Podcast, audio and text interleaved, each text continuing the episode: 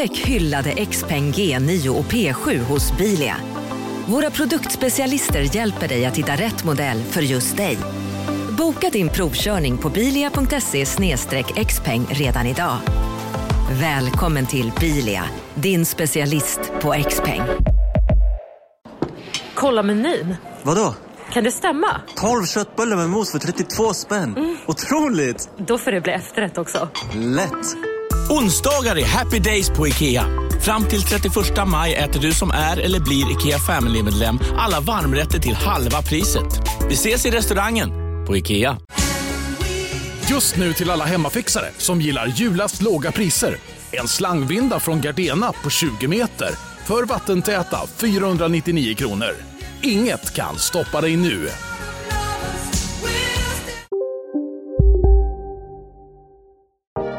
Hallå allihopa och välkomna till vår podcast Kulturbarnen med mig Ida Thirén, författare och eh, kulturjournalist. Och mig Pontus de Wolf, eh, musiker och eh, låtinspelare höll jag på att säga. Skriver låtar. Wow, välkomna! Skriver låtar, välkomna till oss. Ah, hur är läget med dig denna molntäta dag? Ja, det har varit lite upp och ner, jag ska inte ljuga. Mm. Men uh, jag hänger kvar. Jag har ja. väldigt stor uh, kris känner jag. Men det har väl varit, det är inte första, första gången i den här poddens historia som jag har kris. Nej. Kanske man kan säga. Mm. Det är en konstant man kan lita, förlita sig på om man vill ha kris, kris, kop, liksom, vad heter kris. det? Courtesy av Ida Thirén. Ida ja, Krister Men, eh, ja, ja, men det är lite som så här, ja, nu var det avsnitt 68. Då får, jag tycker att så här, ju, ju eh, högre siffrorna kommer upp till 100 så får man mer och mer så här, association till dem. Ända sen så här 63, ja, ja men det var det där året, året som liksom Stones debuterade. 64, det var When I'm 64. 68 också jättetydligt, men jag bryr mig aldrig om att nämna dem för att varje år är ju någonting. Liksom. Mm -hmm. Man, det är inne, inne i ditt specialom, specialområde här känner jag. De exakt, mm. brittisk, brittisk rock. Mm. men, nej, men det, ja, precis de årtalen, men sen också att man så här, efter, efter 95 och efter millennieskiftet så börjar det suddas ut. Alltså där har inte åren varit lika... De har inte skapat samma markörer för mig kulturellt. Jag undrar om det är att man liksom... Vad tror du det beror, på? Det kanske inte varit samma genomslagskraft, alltså även om det kommit så här, ah, Crystal Castle släppte sin skiva som blev en stor förändring. Ja. Det, det är ju inte det, samma impact som när så här, Stones släppte någon skiva. Alltså, då var det ju så här, en ny musikstil och allting nu är ju bara variationer på den musikstilen. Ja, men man har också liksom tjatat om kulturhistorien om och mm. om och om igen. Och då börjar man alltid från början, vilket är Stones.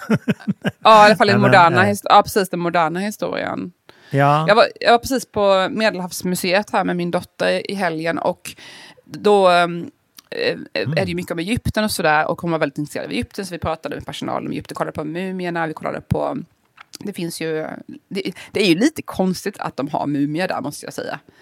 Men förlåt, är det, påminn mig, är det här Etnografiska museet? Eller Nej, finns, det, det här är en hemlig pärla faktiskt. Så vare sig man bor i Stockholm eller inte så tycker jag att det här är ett bra tips. Medelhavsmuseet, mm. det ligger liksom lite skymundan. Det är liksom vid, bredvid, mellan slottet och operan typ. Alltså bredvid av riksdagen. Och det är på en sidogata Jaha. där, så det är lite dolt. Och det finns också jo, jo, en av... Jo, jo, ja. Ja, det, det, jag, känner, jag känner till det som så här lunchstället när jag ja. jobbade på Kungsakademin. Svingod medelhavsmat. Jag skulle precis säga det att kaféet där är verkligen en av mina favoriter. Det heter Café Bagdad och de har så här lite med, med, mellanösterinspirerad mat. Eh, mycket mm. Libanon. Och, och det är verkligen en sån liten tyst, jättetyst och lugn pärla utan musik, här, mitt i stan, fast det är jättelugnt mm. där inne. Så det kan jag verkligen tipsa om om man vill ha en liten paus och ut och kanske turista i Stockholm. Så är det verkligen en sån plats man kan landa i lite grann. Just eller läsa eller skriva eller så. Jag kommer ihåg att det är en så här svår barnvagnslokal eh, för att de har så här originalgolv. Aha, trappor. Så man, man, får inte ta med sig, man får inte ta med sig barnvagn in på kaféet. Utan då får man liksom okay. claima en, en space nere i butiken. Men eh, fortsätt, du hade problem eh, med mumierna där. Nej, men jag tycker bara egentligen, alltså, på ett sätt tycker jag bara det är lite, det är lite konstigt att man säger, ja vi har snott de här mumierna från några gravar och nu ligger de här mm. vid slottet. Mm. Det är ju lite problematiskt. Men ah. det är också kul att man får se det här då. Men eh, då tänkte jag mycket på det här just när det fanns egyptomanin, alltså under 18, sent 1800-tal Eh, eller egentligen mitten av 1800-talet i viktorianska England, men också slutet av 1800-talet i Sverige, kanske tog, mm. tog lite tid innan det kom till Sverige, um, fanns det ju verkligen något som kallas för egyptomanin, som var en besatthet vid Egypten, som var väldigt populär grej. Att ja. folk blev väldigt så, fascinerade av den estetiken. Och man kan ju se det till exempel i jugend arkitektur, alltså sent 1800-tal i Sverige, att man kan se så här ibisfåglar och alltså man kan se symbolik som är bekant ah. från Egypten i det här är min egen tolkning, alltså jag, det var inte med på utställningen, men jag drog slutsatsen där att jag tycker man kan känna igen de där elementen från mycket arkitektur från tidigt 1900-tal, sent 1800-tal. Så det är ju lite en kul ja. grej, att så här, för att det som hände var ju att man upptäckte Rosetta-stenen, och det var ju, för de som inte är bekanta med det här, så var det ju en översättning mellan nu hoppas jag att jag säger rätt här, eh, grekiska och hieroglyfer, alltså egyptiska hieroglyfer mm. och grekiska. Och grekiska kunde man fortfarande, så det kunde man ju förstå. Så Rosetta-stenen var ju en text som var skriven både på grekiska och på, i hieroglyfer. Så då kunde man ju lära sig att översätta då, genom att man kunde Just grekiska. Det. Så kunde man så lista ut vad hieroglyferna betydde, vilket öppnade upp en helt ny värld. För plötsligt kunde man ju förstå sig på Egypten på ett helt annat sätt, alltså forntida Egypten, mm. eller antika. Alltså, så då kunde man ju plötsligt eh, förstå mycket mer om gravarna och sådär. I samband med ja. det så höll man också på att göra utgrävningar, arkeologiska utgrävningar i Egypten och sådär. Och det är ju som sagt lite problematiskt mycket av det, för det fanns ju fortfarande en väldigt kolonial syn på saker och ting, att man kunde bara ta grejer och åka med dem till Sverige eller England mm. och så vidare. Men mm. alltså, med det sagt så tyckte jag det var så himla intressant att titta på det här, och nu vet jag inte varför jag började prata om det här. vad, var det du vi, var vad, var det, vad var det vi pratade om innan som fick mig att leda in tankarna på det? Jo, jo, jo årtal. Ja. årtal. Ja. uh, och då tänker jag bara att när vi tänker så här, förr i tiden så klumpar vi mm. ihop allting innan 1950 typ. Men det visar ju bara att, apropå då att du sa att nu har vi inspirerats av Rolling Stones. På ja. sent 1800-talet så inspirerades man av Egypten. Alltså, ja. så att det har alltid funnits sådana här rörelser bakåt på olika sätt. Mm. Även om vi kanske inte förstår, för vi klumpar ihop allting som förr. Jag tänker inte på att mm. de tyckte att det var förr då också. Nej, precis. Mm. Ja. Men anledningen att jag blandade ihop det när du sa mumier var ju för att vi har ju Etnografiska museet ute på norra Djurgården, där vid, eh, vid Tekniska museet ungefär. Um, och det är ju också ett um, ett problematiskt eh, ställe. Där har de ju såna här eh, totempålar, liksom, från, framförallt från Sydamerika. Och jag tror det var ett, ett hejsvung att de lämnade tillbaka dem där för några år sedan, efter att de hade liksom legat här några decennier. För att det är ju bara liksom rakt av, vi tar med oss de här som souvenirer. Ja, det är samma sak med även, det var det så abor, aboriginska eh, grejer. I alla fall urs, olika urspråk, urfolksgrejer. Mm. Och även samer och sådär. Det var någon mm. samisk person som kanske ett skelett eller någonting som låg på etnografiska. Nu, nu känner jag att jag, jag blandat, nu smälter allt samman. alla alla sådana här problematiska händelser ligger ja, precis, i. Mm. Men det har ju varit olika sådana här grejer. Kan vi sammanfatta det med.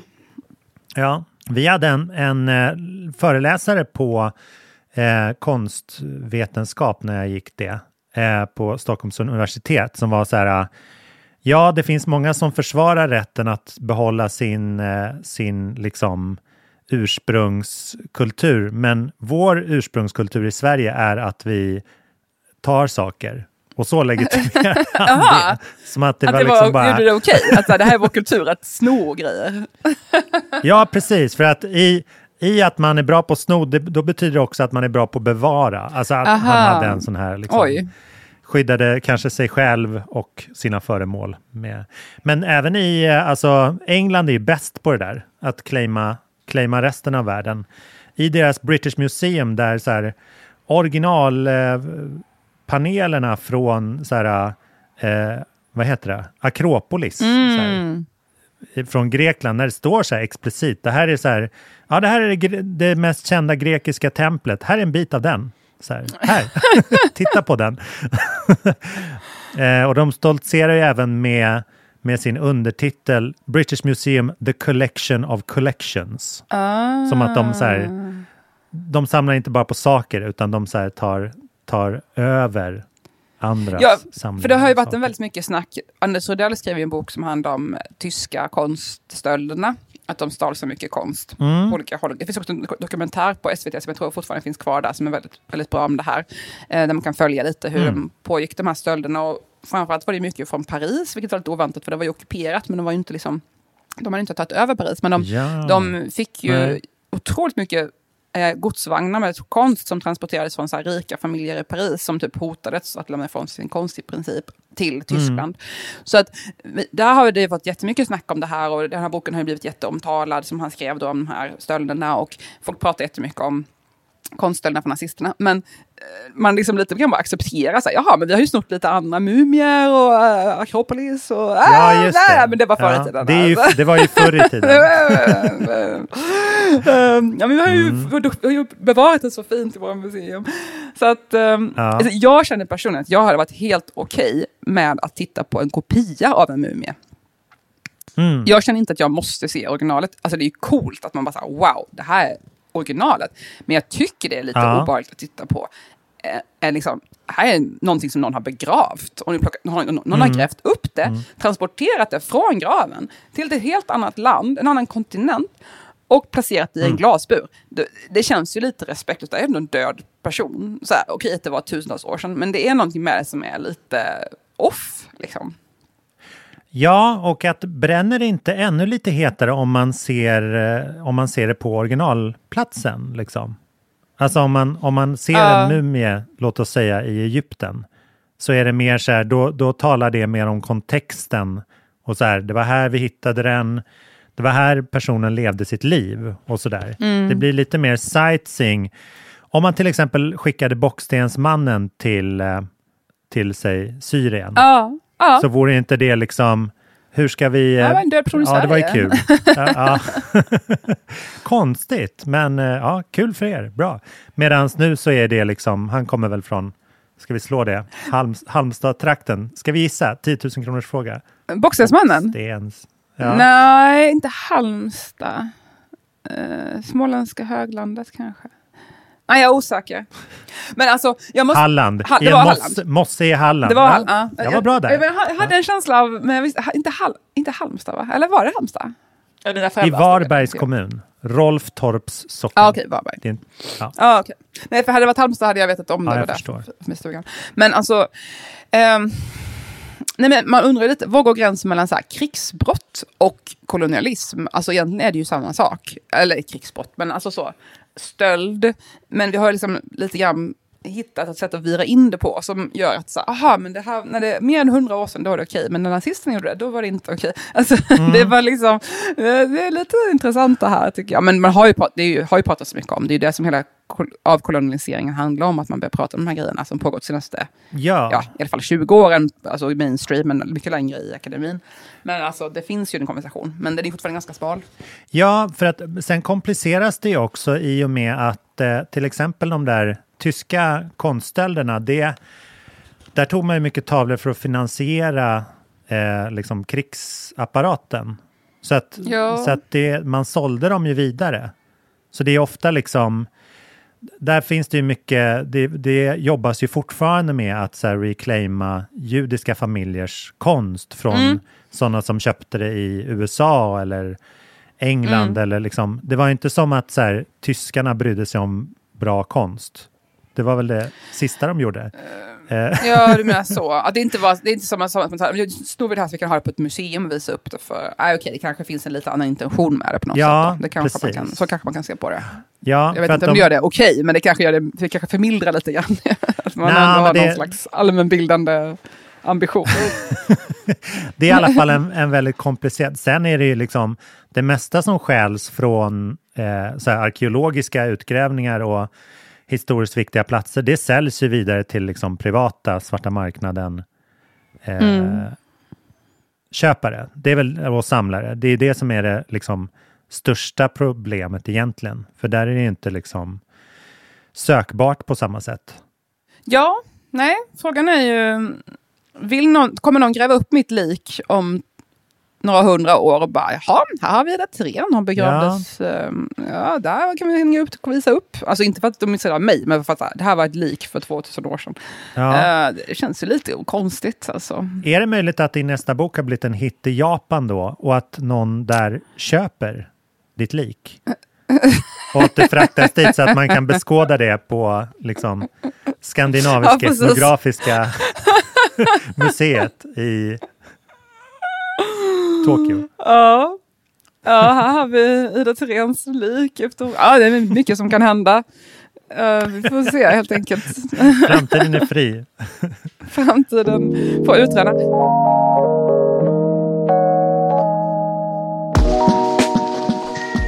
Jag var ju på bokrelease igår förresten. Åh, oh, vad härligt. Mm. Det, här, det känns eh, som att det var, det var en jävligt bokrik vecka. Så jag är glad att du kommer in ja. på det med bokmässa och ja. sånt. Men berätta, jag var ju inte på bokmässan. Nej. Uh, jag, som jag kanske sa på den, jag, jag, tycker det är lite... Jag vill gärna bli inbjuden dit. Ja, ja, jag kommer åka när jag blir inbjuden. Ja, men jag avvaktar ja. tills dess. Men uh, uh, jag var på Patrik Lundbergs bokrelease.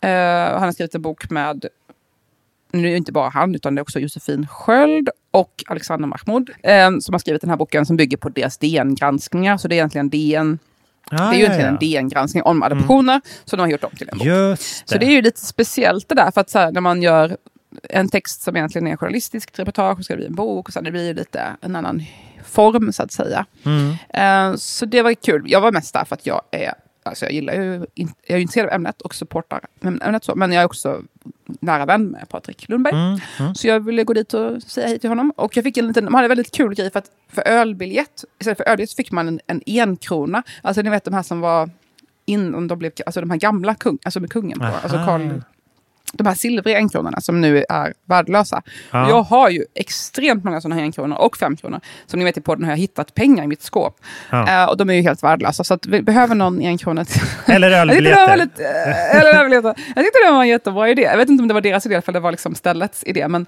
det tyckte jag var en trevlig liten grej. Ja. Och uh, jag hade också en... Ja, det var kul för att jag tycker det är kul att träffa lite folk nu när jag ändå bor i Stockholm. Så jag passade på att snacka lite med, jag vet inte om jag behöver hänga ut några namn i och med att det här, jag vet inte om de vill att jag ska berätta om det, men om folk som är eh, skriver och även forskare och sådär som är intresserade av lite samma sak som jag. Mm. Så jag hade lite intressanta konversationer där med om fascismens upptakt i Sverige och historia som jag är intresserad av. Den nuvarande eh, eller var... den historiska? Både och faktiskt. Mm. Ja, mm. Och sen uh, gick jag vidare då, för jag hade barnvakt igår. Så tänkte jag att man måste ju maxa barnvakten. Man kan ju inte bara så komma hem en timme tidigt. Plus att då, oh, nej. den här ja. barnvakten som, som, jag har hittat, jättefantastisk tjej. Um, är väldigt bra på att lägga min dotter, för hon har lite svårt att somna ibland. Så att jag vill inte heller komma oh. mitt i så här, läggningen. Så jag tänker Nej. att eh, så då så, hon lägger kanske vid nio ungefär, så då vill jag inte komma hem vid nio. Så då tänkte jag komma hem vid tio som vi har avtalat. Så då passade vi på att gå till uh, nya Rish på Götgatan. Ja, Fenix. Um, är det så den heter? Ja, Rish Fenix. Aha. Återuppstånd. Ja, ja. även känd som Baby Rish, eller vad det var. Det var väl Josefin Ginder skrev, en sångerskan skrev ja. en artikel i Expressen tror jag, som var väldigt underhållande, som jag kan rekommendera, som handlade om Rishs nya ja. öppning. Och för de som inte är bekanta med Rish är det ju då en väldigt populär och legendarisk bar i Stockholm, som har två delar. En liten, som är lite mer yngre kan man väl säga, fast det är mm. väl så ung, men yngre än den andra. Och en lite äldre som har um, restaurangdel och en uh, så kallad skilsmässodiket, där många 40 plus som har skilt sig håller till. Ja, exakt. Uh, jag, Tanthyllan, jag har eller vad? Nej. Jaha, tanthyllan, det har inte jag hört. Nej, jag vet inte. jag kanske jag hittade på det nu, förlåt. Ja. Uh, Båda är bra. Jag har, jag har varit mycket på Rish i mina dagar, både lilla och stora, men framförallt lilla. Så mm. det känns väldigt... Första gången jag var där tror jag var när jag var runt 20, för då bodde jag i Paris och så var jag i Sverige och jag hade ett litet band en period. Eh, då var det Sverrir, eh, vad heter han? Sverrir... Eh, Gunnarsson? Gunnarsson. Gudnason menar jag, inte. Mm. Sverrir Gudnason, skådespelaren, han hade en liten klubb där och jag var där och spelade mitt projekt som var att jag sjöng. Eh, och ah, vänner och bekanta? Eller var det, var det någon annan? Ja, det var någon, någonting med det, typ. Ja. Mm. I, stil med det. Och det var han och Ruben Broman tror jag som hade klubb Sverige ja, Ruben. Ja. Och de, jag var där för jag och Kalle hade ett projekt där jag sjöng lite som så här Affi, ifall ni minns eh, den. Affit, artisten. Som var väldigt populär för ungefär Jäklar. 20 år sedan. Ja. Uh, mm, det var lite, by the way så är, är det en, uh, en flicka i min dotters ålder som heter Affi. Och jag misstänker att, uh, att det var Pop the Glock som ja. inspirerade. Pop the Glock är alltså Affis hit från ja. kanske 5, 20, 17 år sedan. Uh, jag, jag, säger 17 för att det var när jag var 20.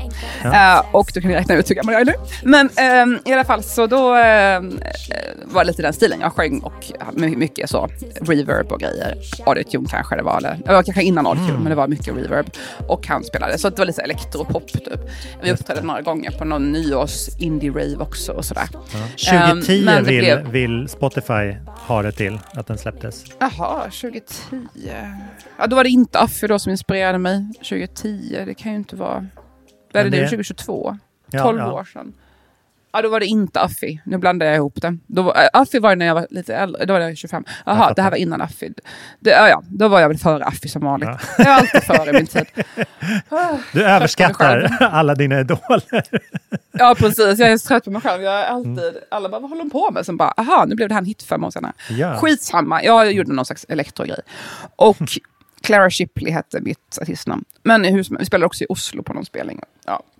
I alla fall så um, det var på Riche. Det var första gången jag var på Riche, för då bodde jag i Paris. Jag hade aldrig varit på Riche. Men eh, sen dess har jag varit på Riche många gånger. Ja. Och nu återvände jag då till nya Riche eh, igår kväll. Jag har också varit där en gång tidigare med en kompis till mig som, som är journalist också. Jag vet mm. inte hur mycket namn man ska säga i podden. jag vet vill inte hänga ut folk. Jag, bara, är inte mycket till redaktörskap. Så att det, Nej, kan... exakt. En eh, välkänd journalist var jag där med på ja, på eh, ja. RIS. Och jag kan också säga, för att nu hamnade jag på samma plats, vilket var precis liksom i lilla gången in i, alltså precis i änden av den här bardisken. Och jag stod på samma plats förra gången då med min journalistväninna. Mm. Och då stod, det, han kan jag gott hänga ut, vad heter han? Johan eh, Hurtig. Ah, ja, han Johan kan man Hurtig. gott hänga ut. Han är komiker och med mera. Och hans fru har ju en podcast som är väldigt populär eh, som jag inte vet vad den heter, som är ihop med en komiker också. Ja, ja. Eh, det är typ inte Flashback Forever, fast typ något liknande. Han eh, träffade, har jag känt i många år och han stod nämligen på andra sidan baren. Och jag upptäckte det här när jag skulle gå ut, så jag, min väninna då skulle gå hem. Och då, mm. Tidigt på grund av bar och sådär. Och då såg jag honom, så jag väntade på Gabriel, och så såg jag honom. Jag bara, oj, hej, hej. Och han bara, ja, jag har stått och tittat på er i spegeln. För då kan man tydligen se det som en spegel över baren. Då hade han typ stått och tittat i spegeln och sett mig och min väninna så prata. Mm. Så, jag hade varit, så det var en liten hemlig grej där. Så man kan ju tänka på det att man blir bevakad i spegeln om man står ja, i baren. Ja, ja, på Baby Rish. Um, men i alla fall, igår var jag då där med Gabriel. Och vi skulle bara gå in och ta en dryck. För att vi, uh, i mitt fall, alkoholfri öl. Obs, på vägen då hem innan barmakten. Och då träffade jag på en välkänd popartist. Perfekt. Som, jag, jag, vet ju inte, som sagt, jag vet ju inte hur mycket man kan säga namn i den här podden. Men ja. i alla fall en välkänd artist. Som satt där. Och har precis spelat eh, landhockey eller vad det var med sin kompis. Mm. Så vi slog oss ner och pratade med dem eh, en liten stund. Och det var den här perfekta, du vet såhär, tisdag kväll i Stockholm. Jag, jag, jag vill ju nu utnyttja faktumet att jag bor i Stockholm. Så jag var såhär, en liten bokrelease, babbla lite med folk, prata lite, bingla lite, lite jobb, lite fascism, lite uppkomst. Få liksom bla, bla, bla. wet lite här och där. Ja, lite så här, intellektuella konversationer, underhållande, babbla lite, lite bekanta, hej hej, mm. gammal redaktör till mig.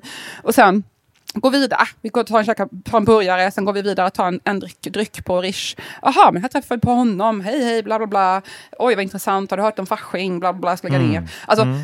Och sen bara tuben hem, klockan tio, min dotter sover redan. Bara ja. säga hej då. Alltså, Vilken det är ändå de small things in life. Jag ja. kände ändå att jag måste uppsk jag, jag har varit lite deppig. Jag har varit deppig. Låt mig ja. vara ärlig, jag har ja. varit deppig. Mm. Inte lite, jag har varit mycket deppig. Men eh, det var ändå en, eh, en kväll att uh, muntra, äh, små vardagskvällar. Och sånt där tar man för givet när man inte har barn. Man kan bara så här, ah, vi går ut och tar en öl. Typ. Ja. Man kan gå ut och men det kan man ju inte med barn. Så jag har ju bestämt då att jag ska ha barnvakt en gång i veckan. Bara mm. för det här. I och med ja. att jag är, då är själv med min dotter på heltid. Ja, för, för man, annars kommer jag bli tokig. Man blir aldrig så här, nej vi går inte ut Hej, Synoptik här. Visste du att solens UV-strålar kan vara skadliga och åldra dina ögon i förtid? Kom in till oss så hjälper vi dig att hitta rätt solglasögon som skyddar dina ögon. Välkommen till Synoptik. Dåliga vibrationer är att skära av sig tummen i köket. Ja! Bra vibrationer är att du har en tumme till och kan scrolla vidare. Alla abonnemang för 20 kronor i månaden i fyra månader. Vimla! Mobiloperatören med bra vibrationer. Känner du igen en riktigt smart deal när du hör den? Träolja från 90 kronor burken. Byggmax. Var smart. Handla billigt.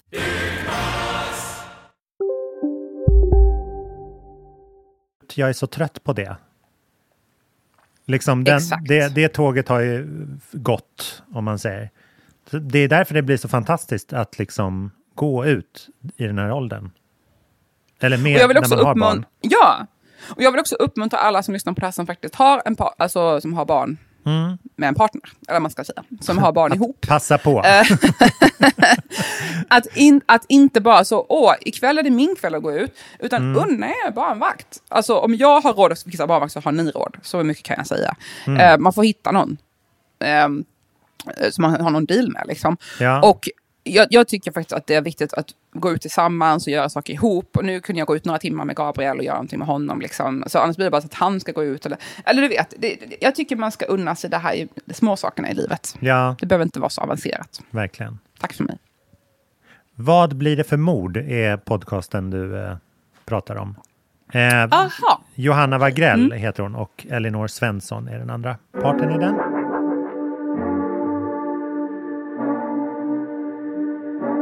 Kanto, you got something to say?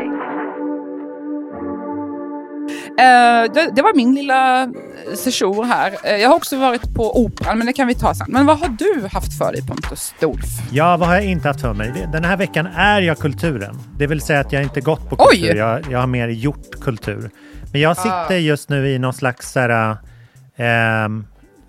jag fick en bild av att man sitter i en fontän av ens egna vätskor, men det är inte trevligt. Utan jag... det, det jag menar är att det går... det känns som att så här, min hjärna är helt självförsörjande för stunden. För att jag oh, skriver saker, släpper saker och eh, gör nya grejer när de gamla är slut. Så att jag liksom inte... Och så har det regnat ganska mycket på mig, så att det kanske är därför den här bilden uppstår i hjärnan. Det, att jag... det är Guds vätskor du badar i. Ja, ja, ja, precis. Bokstavligt talat. Perfekt, du räddade den. Bilden. Um, men jag har en, en väldigt rolig um, metod just nu som jag känner funkar, funkar för mig. Um, det, det brukar ju, när man skriver låtar så är liksom kutymen om man inte vet vem den ska vara till exakt, att man skriver den tillsammans några stycken och då brukar man bestå av ett team vanligtvis som är så här, mm. som kan vara en producent som sitter med knapparna och väljer ljud och en eh, sångerska som är liksom lite eh, bra på att sjunga så att det låter pro och sådär. Eh, och en låtskrivare som brukar vara jag. Um, mm -hmm. Mm. Men det, det finns, det smyger sig även in en titel som heter Topliner. Som är en så här... Oj, när, vad är det? När Stockholm vill vara LA, då, då drar de till med, nej men jag är topliner. Eh, och det, då betyder det att man typ är den som sjunger melodin. Alltså man hittar på melodin. Som ett instrument, man är som en beatboxare fast ja, pop. precis. Alltså man är den här, den här bra rösten. Men någon, någonstans på vägen har man även förvärvat titeln låtskrivare. Men, men det liksom har förskjutits lite grann. Alltså jag, jag har ingen pop... Jag, har, jag Pontus alltså, har ingen färdig popröst direkt så att jag kan säga så här. Det ska låta som att tjejen sjunger så här. Om Aha. du förstår vad jag menar. Jag kan mm. inte spela upp det och skapa en illusion för någon som inte är van att så här, så här ska det låta, tänk dig bara en tjejröst. Aha, okej. Okay. Så då är det bättre för en om man, om man är bra på att skriva låtar och har en tjejröst. Då, är man, då kan man titulera sig topliner. Det är toppen. Varför måste det vara en tjej? Eh, nej, det behöver det inte vara. Det bara råkar vara Aha, att jag, jag okay. skriver eh, främst för tjejer. Aha, okej, okej, okej. Aha, um, okej, det fattar jag. Ja. Men det här är också ett sätt som, eh, som gör att man eh, man, strategin då, då inom branschen är att man testar runt en jäkla massa kombinationer. Som att så här, ja, men den här veckan skriver jag med först den, sen den, sen den och så nästa vecka den, den. Så att det har blivit liksom ganska utspritt, eller vad man ska säga, i sådana här mm. liksom sessions som, som man möts och har.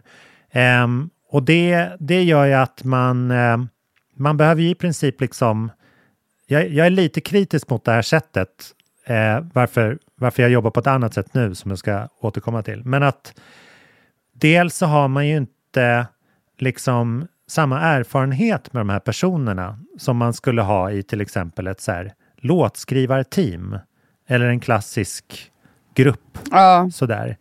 Eh, utan man sätts ihop i liksom nya situationer hela tiden, vilket kan sparka någonting otroligt. Att det liksom är så här, oj, vad det här funkade bra. Men det kan också lika gärna bli liksom ganska dött. Att man, man så här... Eh, det är så mycket i personkemi, tänker jag. Ja, det är väldigt mycket det. Och, men det är också att man ska liksom det är så mycket av modern popmusik som är att man bara så här blurtar ut någonting. Som att man har liksom tre ord som man sjunger på ett catchy sätt. Och så kan det vara liksom hela hooken till en låt. Så att det kan mm. vara, det är liksom det man, man önskar att det ska uppfylla. Men eh, eftersom pandemin var så här sög verkligen ut jättemycket syre ur branschen och eh, eftersom inte så mycket musik släpptes så fanns det inte jobb för de här. Det fanns liksom inte behov för alla de här låtarna att skrivas. Så ganska många mm. har mhm. liksom försvunnit på det här sättet för att det finns ju ingen det finns ju ingen ekonomisk trygghet i det här systemet utan det är bara att här, leder det till en bra låt så blir det bättre royalties liksom. Mm. Eh, men då... Jag kan passa på bara en mm. liten parentes här. Att samma sak har ju synts dels i journalistiken, men det har skett under många år att det blir ingen återväxt, det finns inga jobb, så folk bara försvinner mer och mer och det blir färre och färre som vill vara journalister. Ja. Men också inom eh, restaurangbranschen. Ja, det är ju jättestor kris nu i Stockholm att få tag i kompetent personal. Det finns liksom ingen, för att under pandemin började alla plugga istället. De som ja. tidigare jobbade restaurangtimmisar och sånt, de har börjat, mm. börjat plugga, så det är ingen som vill jobba på restaurang längre. Nej. Bara en liten inflikad. Ja, och det där är ju så här, äh, en, en till inflikning eftersom jag jobbar med restauranger på Gotland. Så de, där är det liksom kamp varje år eftersom säsongen är så här en och en halv månad och så ska man ändå ah, leva upp till det här. Det. Vi är en närodlad ekogård som bara ah. bla bla bla.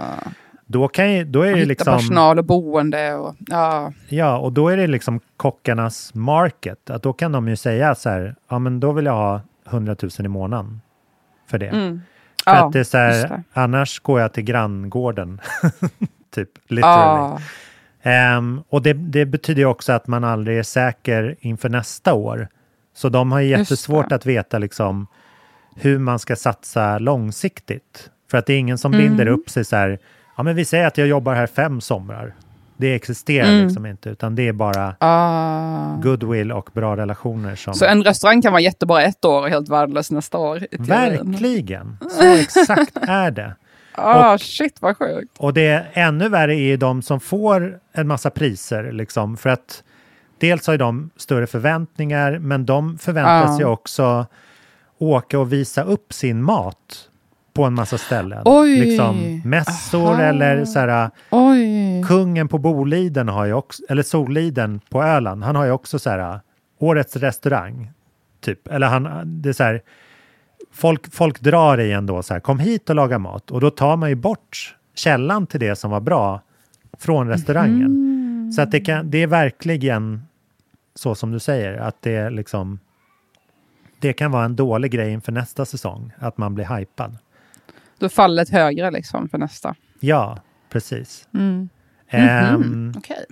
Ja, nej men så det var väl en liten grej. Och jag... Eh, eh, risken, risken på det här med, med de här låtskrivarkonstellationerna är ju lite grann att eh, producenter och eh, till viss del låtskrivare är ju liksom självförsörjande och eh, har, sitter på en så här studiohyra kanske och, och sitter ja. liksom på, egentligen på hela risken. För det finns ju ingen så här, det är liksom, eftersom mångfalden är så stor, det finns så många som vill skriva låtar och tröskeln är låg, så, så kan man ju komma ut från en så här eh, låtskrivarhögskola och, eh, och komma rätt in i branschen med en gång och liksom vara lika, lika mycket värd och betrodd som någon veteran. Liksom. Mm. Um, så det går ju inte, det är väldigt, väldigt svårt att tacka nej till det här upplägget. Men samtidigt så är ju det att man liksom jobbar gratis tills att någonting händer, förhoppningsvis. Mm. Um, ja, det är en lite läskig fälla. Men jag har, jag har efter pandemin inte börjat jobba på det här sättet riktigt än i alla fall, utan jag kör ganska traditionellt sätt att jag får en idé och så skriver jag den låten och sen betalar jag någon som sjunger och sen är den klar. Och då kan antingen jag släppa den eller så kan jag liksom gå ut och pitcha den i det här färdiga formatet. Och det, mm. det känns ju väldigt skönt. Um, men också lite läskigt för att man hamnar ju väldigt mycket i sin egen bubbla. Kan jag tycka om mig själv ibland. Ja. Uh, men just, just nu är det trevligt och bra. Vad härligt. Det är också en liten utarmning i och med att så här, det finns extremt lite trygghet i att släppa musik. Liksom. Det finns ju nästan ja. inga intäkter på det via Spotify och sånt där. Så att man kan ju liksom... Um, det, det, är lite så här take it or leave it stämning i, i musikbranschen just nu. Men mm. det har väl liksom byggt upp till att vara det ganska länge, tycker jag. Är lite skeptisk Men det är väl lite sådana grejer Ja, med musik, konst, litteratur och till viss del även en ännu smalare grej, typ teater, dans och opera och sådär. Det är ju lite så bara, ja, om du inte vill göra det så gör det inte. Alltså det finns ju verkligen som står med en pistol i tidningen och bara du måste skriva en bok eller du måste mm. göra musik. Det, de som gör det är de som måste göra det, som, yeah. som känner sånt otroligt kall. I mitt fall, det kvittar liksom. Jag, hade ju fått, jag fick ju fyra böcker refuserade när jag släppte min roman. Liksom. Det mm. var ju mm. inte som att jag slutade. Hade jag haft minsta vett i skallen och gjort det här någon annat skäl än att jag måste, då hade jag ju slutat för länge sedan. Det finns ju ingen anledning att fortsätta. Det finns ja. ju också väldigt, väldigt lite status och pengar i litteratur idag i alla fall. Kanske för tidigare kanske fanns mer, men alltså, det är ju inte som att någon bryr sig om jag gör det eller inte. Så det är ju verkligen bara, bara, bara för min egen skull. Och det ja. tycker jag ändå är viktigt att komma ihåg. Och så är det ju med musik också, att det är ju eh, har man kallet så måste man göra det, men det finns ju ingenting logiskt som talar för att man ska göra det. Nej, och det är också nästan en liten paradox i att så här, ja, men jag har satsat så här mycket tid och många år. Så att nu kan, nu kan jag, jag ännu mindre sluta. Liksom. man målar sig längre och längre in i det där hålet. Ja, ja, verkligen. Nu är man så fast mellan listen och väggen. Liksom. Ja. Man står där, kan ingenting annat. Okay. Nästa bok. Men det är inget klagande. Jag bara, det här är bara lite information. Ja. Men jag måste säga, jag var lite speciellt nu för jag skickade ju in, för uppmärksamma lyssnare på den, skickade jag in mitt bokmanus, då, första utkastet, obs, till mitt mm. förlag här innan för två veckor sedan. Och jag fick ju då besked att så här, ja, det är bokmässa nu, så att jag vi hade bestämt redan innan sommaren att jag skulle skicka in det i slutet av augusti efter jag varit i Paris. Och sen mm. då kom ju september och sen kom bokmässan. Så det var så här, ja okej, okay. du får inget svar från efter bokmässan. För det blir för tajt, det är så mycket annat som händer liksom. Ah. Innan, innan bokmässan. Så nu eh, väntar jag mig svar här inom, en, inom närmsta veckan eller så. Och det har ju lett till en fruktansvärd existentiell kris eftersom jag är så, okej okay, vad händer nu? Vad ska, mm. alltså, dels är det en kris att inte ha ett projekt att jobba med, för jag är så van att varje dag så, nu sätter jag mig och jobbar vidare med boken. Det är liksom det jag har gjort nu två år, alltså varenda dag. Och innan dess, jag började ju med det projektet samma dag som jag slutade med boken innan dess. Ah. Jag höll på med i flera år. Liksom. Så jag har ju alltid haft en bok som jag håller på med. Så när man har de här luckorna då, samma sak med förra boken, när man skickar iväg det och sen så är det så här, vänta på eh, input, då kan man inte göra så mycket, för det känns lite som att boken är on hold. För att börjar du peta i den då, då blir det ännu mer komplicerat när du väl får tillbaka feedback. För då kan det. du ju då blir det ju så här, oj, vänta, det här har jag ändrat på. Alltså, det är bättre att bara man behöver också backa ibland från projekt. Så är det ju med alla konstnärliga projekt, man måste backa och få klar blick. Eh, så jag vet ju att jag måste typ hålla mig borta från det för att liksom, pausa. Men mm. det är liksom lite kris för att plötsligt så här, oh shit vad händer? Tänk så, tänk så säger han nej, tänk så ångrar sig, tänk så säger de att jag måste hålla på ett år till med det här. Hur ska jag få råd med det? Hur ska jag ha tid med det? Mm. Vad ska jag göra? Vad jag håller på med? Alltså, det, jag har ju någonstans hoppats att boken skulle komma till våren, men jag inser nu att det kan mycket väl bli till hösten istället. Ja. Och ja, alla oro kring det här och tankar och känslor. Men då har jag ju insett, min kille då, Gabriel, han bara, vi kom fram till gemensamt att jag måste börja med nästa bok. Jag kan inte inte hålla på med en bok för att jag blir tokig typ. Jag blir helt, eh, jag mår väldigt dåligt psykiskt mm. och jag blir en ganska odräglig person. Så mm. att jag insåg att jag har liksom börjat med nästa bok. Wow! nej, men jag, alltså, eh, jag, vet, jag vet ju redan vad min nästa bok ska bli, så det, det hade jag ju haft. Jag har flera böcker som jag inplanerade som jag ville skriva. Mm. För man har ju bara ett kort, man har, om man tur kanske jag har 40 år att skriva till innan jag dör. Eller innan jag blir dement. Så då får man ju tänka, hur många böcker hinner jag skriva? Okej, okay, en varannat år. Då har jag 20 böcker. Så jag vet ungefär fem av dem, vilka de ska bli. Så eh, man får börja budgetera redan nu så man ska hinna med allting. Men Oj, ja, jag har börjat med nästa lite smått. Men jag har inte kommit så mycket. Men jag kanaliserar den här ångesten in i nästa bok istället för att jag ska sitta här och bara eh, rulla tummarna och känna mig helt värdelös. Ja. I och med att jag också då har ekonomisk stress. Jag sitter här och känner bara, vad håller jag på med? Eh, det löser inte min ekonomiska stress, men det löser lite min eh, mentala. Mm, mm. Eh, så jag vet inte riktigt. Vi får väl se här närmsta veckorna ifall jag kommer må lite bättre när jag fått lite mer klarhet i mitt liv och kan ta lite beslut. Ja. Vad jag ska ta mig till. För det är också mycket som hänger på så här. Om han säger typ till mig, ja ah, boken kommer komma nästa höst. Jag vill att du jobbar om jättemycket. Du behöver lägga fyra månader till på den här boken. Mm. Ett, jag måste finansiera fyra månader.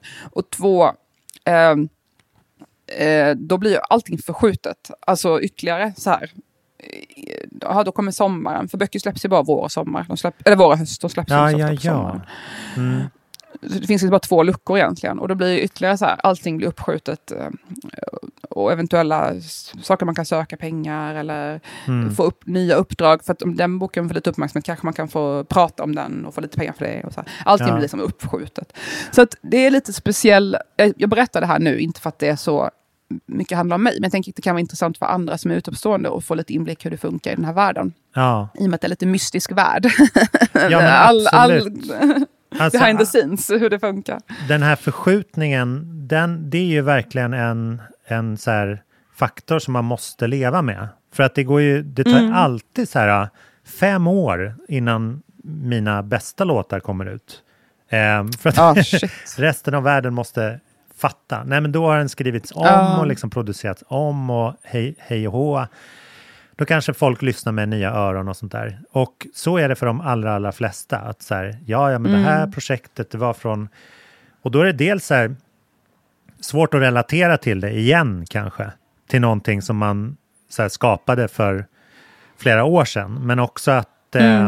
eh, att man, man måste ju, som du säger, skapa säkerhet för sin framtid inför att det ska släppas. Liksom. För det är först då det kan ha någon avkastning. Exakt, då börjar jag så här, kanske rättigheter utlands. Eller, ja. Eh, alltså allt det där kommer ju sen. Jag läste en, en grotesk, det här, det här blir liksom lite kla, klagosångens avsnitt. men jag vet inte, jag menar inte att klaga. Hoppas nej, inte nej, jag nej, klagar. Jag, tycker, alltså, jag men menar inte att klaga. Klagosång är väl ett vackert ord, känner jag. Okej då. Ja, nej, men det, okay. Nu kommer jag att klaga lite. det var... Okej, okay, du får klaga. Jag tycker inte att jag klagar. Nej. Men, men ap apropå fördröjning så är det en sån här faktor med eh, konserter som har skjutits upp eh, efter pandemin. Oh. Eh, som, som fortfarande, alltså efter, efter pandemin nu i år kan man väl räkna det egentligen, så hade ju alla så här otroligt bråttom ut att spela, spela igen och, och liksom mm. förverkliga de här konserterna som har skjutits upp sedan 2020. Um, ehm, men det, det folk brottas med nu, jag såg att till exempel artisten Santigold som är rätt stor amerikansk artist, om du känner till, hon, hon fick precis ställa in hela sin turné på grund av att biljetterna är sålda 2020, 2019 kanske till och med. Alltså det, det, planerades ju då eh, och sen har det skjutits upp, skjutits upp. Eh, och nu då när man vill sjösätta turnén, då har plötsligt hotellpriserna gått upp. Bensinpriset har gått upp. Eh, det är Oj. så många som vill ut så att så här, turnévans har, har så här, ren, rena ockerpriser. Allt har gått upp, men, men intäkterna, alltså de här biljetterna som såldes 2019-2020, de har inte gått upp. Så att man, det är ju liksom en, en slutsåld turné i en total förlustaffär om den har väntat Oj. i tre år. Shit. Um, så det är någonting alltså som, som inte ens de som jobbar med det här varje dag, det vill säga bokare och artister, har, har haft vett att liksom räkna på. Men, men, men det hur ska är man någonting... kunna förutspå en sån grej? Det är ju helt sjukt. Ja, men det går ju inte. Och dessutom när, så här, när man har fått suttit inne i ett vakuum i tre år och då skjuts man ut som en så här champagnekork. Bara, fuck, jag existerar och det här är mina tre, tre år av, av skapande och artisteri som liksom har varit helt uppdämt. Um, så det där är en, en fruktansvärd Oj. situation. Alltså. Så att jag har tänkt mycket på det med, med höga biljettpriser och sånt där nu. Det kostar ju, alltså se en liksom stor artist kostar nästan uppåt en tusenlapp nu i dessa dagar. Um, ja. Men det är ju lite för så här, garantin för prisökningar på alla de andra produkterna som ingår i en turné. Jag sitter liksom med, med min, uh, min brorsas turné som jag ju styr. Den är. Där läggs ju de sista, den börjar om eh, fyra veckor, så börjar de spela i Stockholm. Och där läggs de, de sista grejerna, eh, detaljerna nu. Och där är ju liksom, alltså så här försumbar grejer, men, men allt som vi lägger till nu är ju sånt som liksom vi var tvungna att förutse i vår budgetering då för typ ett, två år sedan. Att så här, eh, och då märker man att så här, ja, det här, sånt som inte står avtalat som så här mat och bärs i låsen kostar nu en tusenlapp mer liksom än det gjorde oh, för... Um, så att allt, allt är ju liksom, alla höjer priset förutom artisterna. Så att det, det är liksom en, man måste ha en liksom buffert som är jättesvår att ta ut och motivera ju. För, oh, shit. Och det är den här liksom klausulen för eventuella framtida ja, kostnadsökningar. Oh, Men det blir så torrt då, för att man vill ju inte egentligen bry sig om det där när man går på konsert eller för den delen skapar musik. Då vill man det är ganska prosaisk, liksom. man vill inte tänka på deras Nej, kostnader för ölen. Mm. mm. Nej, men precis. Kanske ölen kanske man sig, men inte kanske jordnötterna. Ja, mm. men, nej, men jag menar, det, det är så oerhört eh, svårplanerat alltså. Och sen så är det ju inte ja. ens säkert att man säljer några biljetter. Så det är inte, det finns ju ingen... man måste liksom sälja på en så våg av optimism. Annars händer det ingenting. Det är som vi har sagt, oh, ingen vill gå till en restaurang som ber en att komma för att den kanske måste stänga annars. Då smakar Usch, det ju inte gott. Man, det är dålig, dålig, um, dålig energi. Oj, nu ringer ja. mitt alarm. jag oh, måste wow. gå. Ah. Um, jag har ju lite svårt det här med planering som jag har förstått. Ah. Uh, för mina olika kl klagomål här att jag är försenad. Eh, eller inte klagomål, bara information. Att jag ja. är då väldigt dåligt på att planera. Så jag har ju satt mycket, väldigt mycket olika larm på min telefon. Jag tror det här larmet nu var att jag ska gå, min dotters teater börjar nu. Jag ah. tror det var det ah. som larmet var. Så jag måste faktiskt avlägsna mig. Det, det klingar bekant. Men eh, vad mm. roligt att prata om gamla mynt och pengar. det här var avsnitt 68. Nästa, nästa vecka så får vi associera till avsnitt 69. Det blir kul. Ja. Ja. 68-rörelsen växte till liv i vår podcast. Tack för att ni har lyssnat och tack, tack för att ni tipsar era vänner om, om, om, om våra era två vänner i er. Ja. Ha det underbart. Hej då! Ha det bra. Hej då!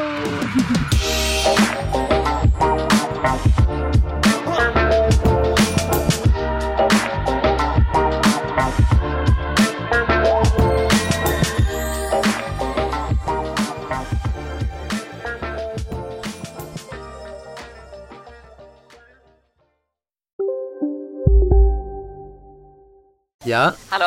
Pizzeria Grandiosa? Ä Jag vill ha en Grandiosa capriciosa och en pepperoni. något mer? Mm, kaffefilter. Ja, Okej, okay. ses samma.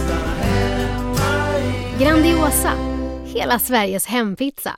Den med mycket på. Just nu till alla hemmafixare som gillar julast låga priser. En slangvinda från Gardena på 20 meter för vattentäta 499 kronor. Inget kan stoppa dig nu.